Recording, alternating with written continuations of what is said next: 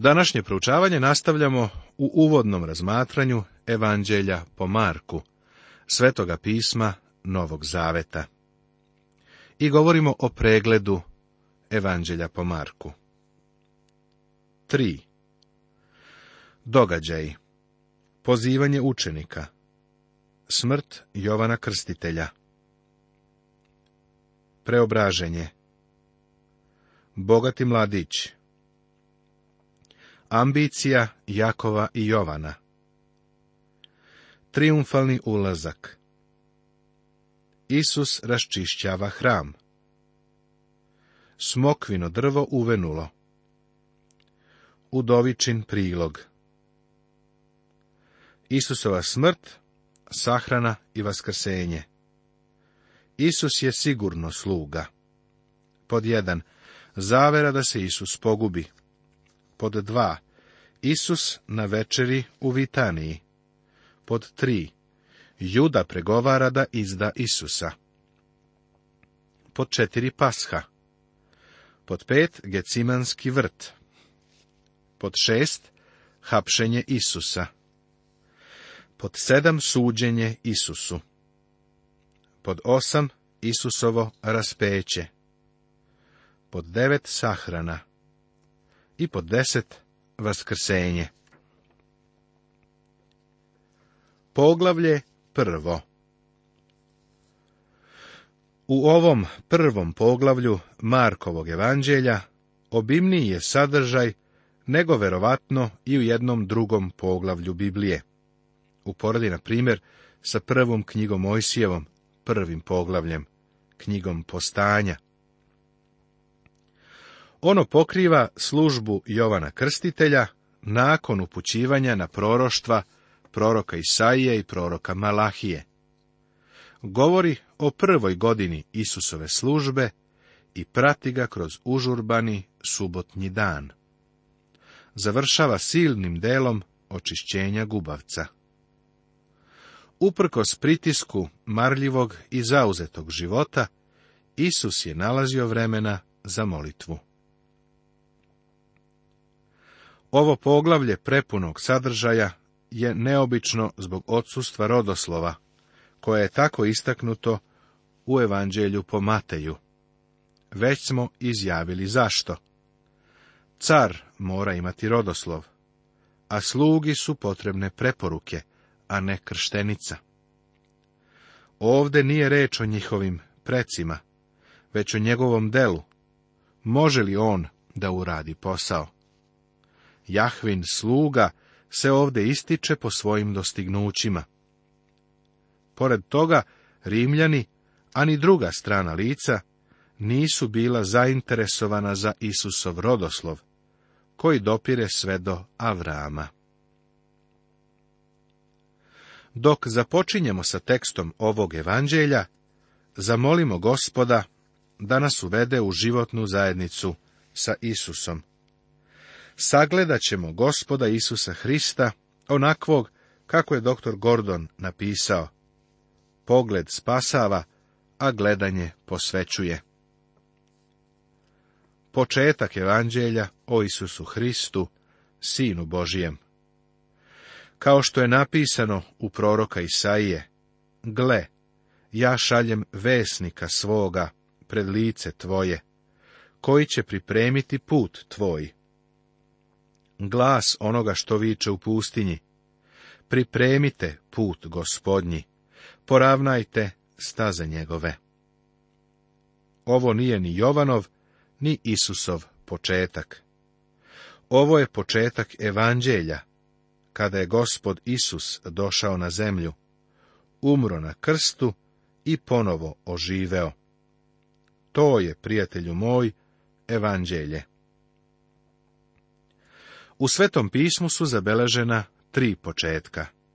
Da ih navedemo hronološki. Prvo, u početku beše reč. Evanđelje po Jovanu, prvo poglavlje, prvi stih. Ovo se seže ka večnom početku, početku pre svih vremena. Ovo ljudski um može samo da pretpostavlja. Ovo je prelogički nego hronološki red, jer u svom razmišljanju moram da imam polaznu tačku u prošlosti, sa koje ću krenuti.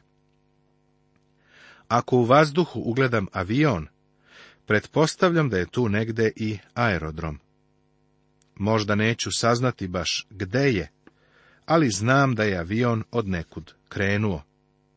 Isto tako, kada se osvrnem po svemiru, Znam da je on potekao od nekud i da je tamo negde Bog. Ali o tom početku ne znam ništa. Bog dolazi iz večnosti da bi se susreo sa nama. Svoj početak moram postaviti na momenat kada on dolazi nama u susret. I to što dalje u prošlosti i onda uviđam da je on tamo bio i mnogo pre toga. Drugi početak U početku stvori Bog nebo i zemlju. Prva knjiga Mojsijeva, knjiga postanja, prvo poglavlje, prvi stih. Ovde iz večnosti prelazimo u vreme. Međutim, iako mnogi pokušavaju da odrede starost univerzuma, do sada to niko nije saznao. Mnoga nagađanja protežu se od 6000 do 3 milijarde godina. Tako malo znamo, ali kada uđemo u njegovu prisutnost i počnemo da saznajemo onako kako smo znani, shvatit ćemo kako smo posmatrali kroz tamno staklo. Siguran sam da ćemo se čuditi sobstvenoj gluposti i neznanju. Naš Bog je veliki Bog. Sve vreme je njegovo vreme. Treći početak jeste početak evanđelja. Evanđelje po Marku, prvo poglavlje, prvi stih. Je isto što i što beše od početka, kako započinje prva poslanica Jovanova, prvo poglavlje, prvi stih. I vremenski je određeno. Dopire do Isusa Hrista u ovom preciznom momentu, kada je On na sebe uzeo ljudsko telo. Isus Hristos je evanđelje. Potom Marko, koji vrlo malo citira Stari Zavet, navodi dva proroštva. Rimljani su vrlo malo poznavali proroštvo, ali on ovo radi da bi im pokazao da ovome o kome im govori nije potreban rodoslov, nego su mu potrebne preporuke. Tako Marko pokazuje da njegove preporuke idu čak do Isaije i Malahije. I Jovan i Marko objavljuju da je dolazak Jovana Krstitelja ispunio proroštva o onome koji je bio Hristov prethodnik i glasnik. Pojavi se Jovan krsteći u pustinji i propovedajući pokajničko krštenje za oproštaj greha. Želeo bih da promenim način izražavanja, da bismo shvatili smisao ovog stiha. Jovan je propovedao o pokajanju i krštavao je radi oproštenja greha, a ne za oproštenje greha. Grčki predlog eis se koristi uz oproštenje, a prevodi se kao ka ili prema. Njegova služba je imala karakter pripreme pripremala ih je za dolazak gospoda Isusa Hrista na svet. Isus Hristos je onaj koji oprašta grehe. I izlažaše ka njemu sva judejska zemlja i svi jerusalimljani, i onih krštavaše u reci Jordanu, pri čemu oni ispovedahu svoje grehe a Jovan beše obučen u haljinu od kamilje dlake i imaše kožni pojas oko svojih bedara i jeđaše skakavce i divlji med. Jovan Krstitelj je bio izuzetan, ne samo u svojoj poruci, nego i u načinu oblačenja i ishrane. On je bio iz svešteničkog reda, levit i od njega se očekivalo da će služiti u hramu u Jerusalimu. Ali Bog ga je pozvao za proroka, pa on sada u pustinji propoveda. Ljudi dolaze da ga slušaju. Danas volimo da crkvu postavimo kao mesto na kome ljudi žive ili gde se okupljaju i imaju zajedništvo. Smatramo da je crkva pristupačna. Jovan nikako nije radio po toj teoriji. Bio je na polju, tamo u pustinji, a mnoštva naroda su mu dolazila. I propovedaše govoreći, za mnom dolazi jači od mene, pred kim nisam dostojan da se sagnem i odrešim remena na obući njegovoj. Ovo je nešto što nam otkriva koliko je ovaj čovek bio izvanredan. Pokrenuo je i uskomešao mnoštva naroda. Bio je to čudan i snažan čovek, ali je bio usamljeni glas. Zapazi tu poniznost. Jovan Krstitelj je bio ponizan čovek. Ja vas krstim vodom, a on će vas krstiti duhom svetim. Ovo je velika razlika između Jovana Krstitelja i Isusa. Pravo krštenje je krštenje duhom svetim. Krštenje vodom je ritualno. Krštenje u vodi je danas vrlo značajno, jer predstavlja svedočanstvo. U Matejevom evanđelju smo saznali da razlog zbog kojeg se gospod Isus krstio jeste da bi se poistovetio sa čovečanstvom. I u to vreme dođe Isus iz Nazareta Galilejskog, te ga Jovan krsti u Jordanu. Zapazi šta Marko ističe. Dođe Isus. Kakvo uzbuđenje. Isus će ponovo jednoga dana doći. Ovo je sljedeće što treba istaći. Ali ovde, gospod Isus je došao iz nepoznatog, tihog, tridesetogodišnjeg spremanja u malom Nazaretu. On sada dolazi i kroz krštenje poistovećuje se sa ljudskim rodom. Sećaš se kako je Isus rekao Jovanu. Pusti sada, jer tako treba da ispunimo svu pravednost. Ovo je zapisano u Evanđelju po Mateju, u trećem poglavlju, u 15. stihu. Jer je Jovan mislio da ne treba da krsti Isusa.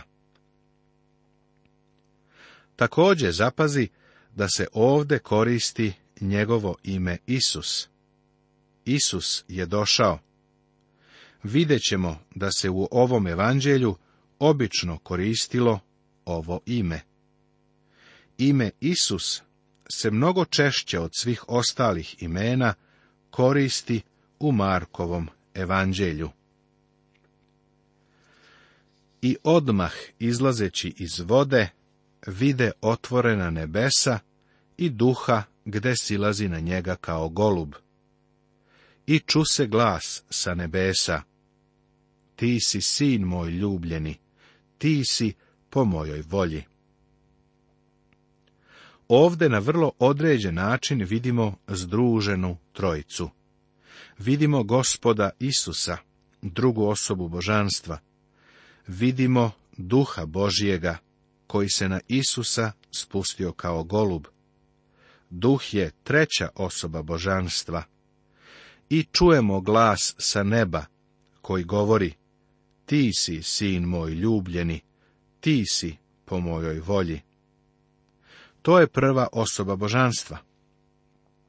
Tako, ovde nam je pažnja usmjerena na svetu trojicu. I ovo je usput da kažem nebeski pečat na Isusovoj ličnosti i posvećenju. Primetit ćeš da se ovde sve brzo odvija. On je sluga. Jovan Krstitelj ga predstavlja, a onda ga Bog Otac potvrđuje i stavlja svoj pečat na njega. Sledeće iskušenje će biti njegova inicijacija. I odmah ga duh izvede u pustinju. Izvede je reč žestine i ozbiljnosti. Duh Božiji ga je odmah premestio u pustinju da bi bio kušan. Vrlo je važno da ovo uvidimo. Ponovo dolazimo do pitanja. Može li on da uradi posao? Drugi nisu uspeli, nisu izdržali pod iskušenjem. Adam nije uspeo. Noje je preživeo potop, a onda je jadno pao na lice.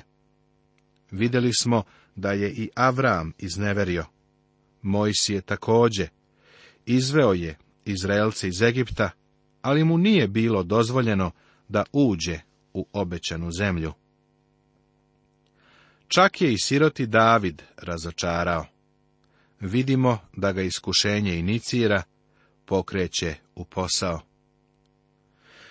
I beše u pustinji četrdeset dana, kušan od satane, i beše sa zverima i anđeli mu služahu. Ovde nam nisu dati detalji koje pronalazimo u Mateju i Luki. Isus je u pustinji bio četrdeset dana. Sotona ga je kušao bio je iskušavan celih četrdeset dana. Nekim ljudima se čini da je on postio četrdeset dana, a da ga je Sotona tek onda kušao. Prijatelju, on je sve vreme bio kušan. Neki ljudi imaju ideju da ga je Sotona kušao i da su divlje životinje više ili manje doprinosile tom kušanju. Marko ovde govori da je on bio sa divljim životinjama i da su mu i one i anđeli služili. Zveri su deo stvorenja i stavljeni su pod vlast čoveka. To je razlog zbog koga je Bog stvorio ta bića. Seti se da smo u prvoj knjizi Mojsijevoj, u knjizi postanja, svetoga pisma Staroga Zaveta vidjeli da je sve bilo priprema za stvaranje čovekovog doma.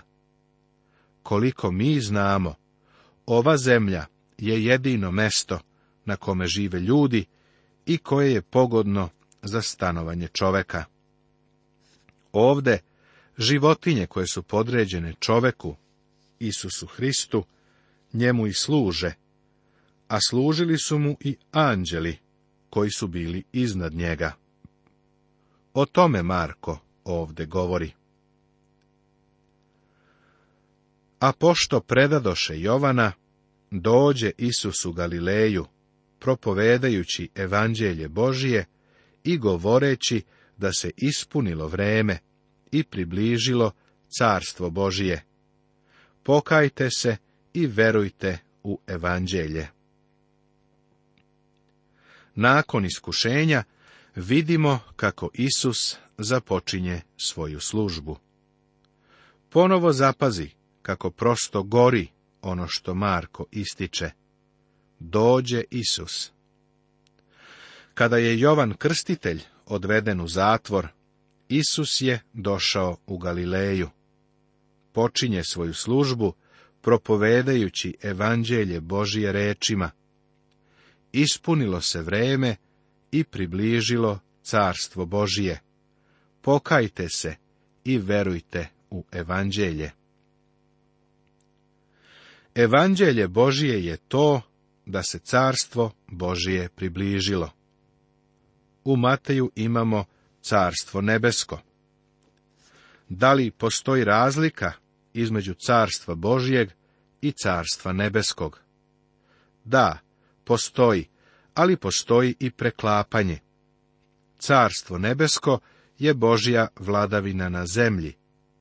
Carstvo Božije podrazumeva ceo svemir, čak i preko granica zemlje. Tako, carstvo nebesko se nalazi u carstvu Božijem. Matej Boži zakon primenjuje posebno na zemlju nastavit će se.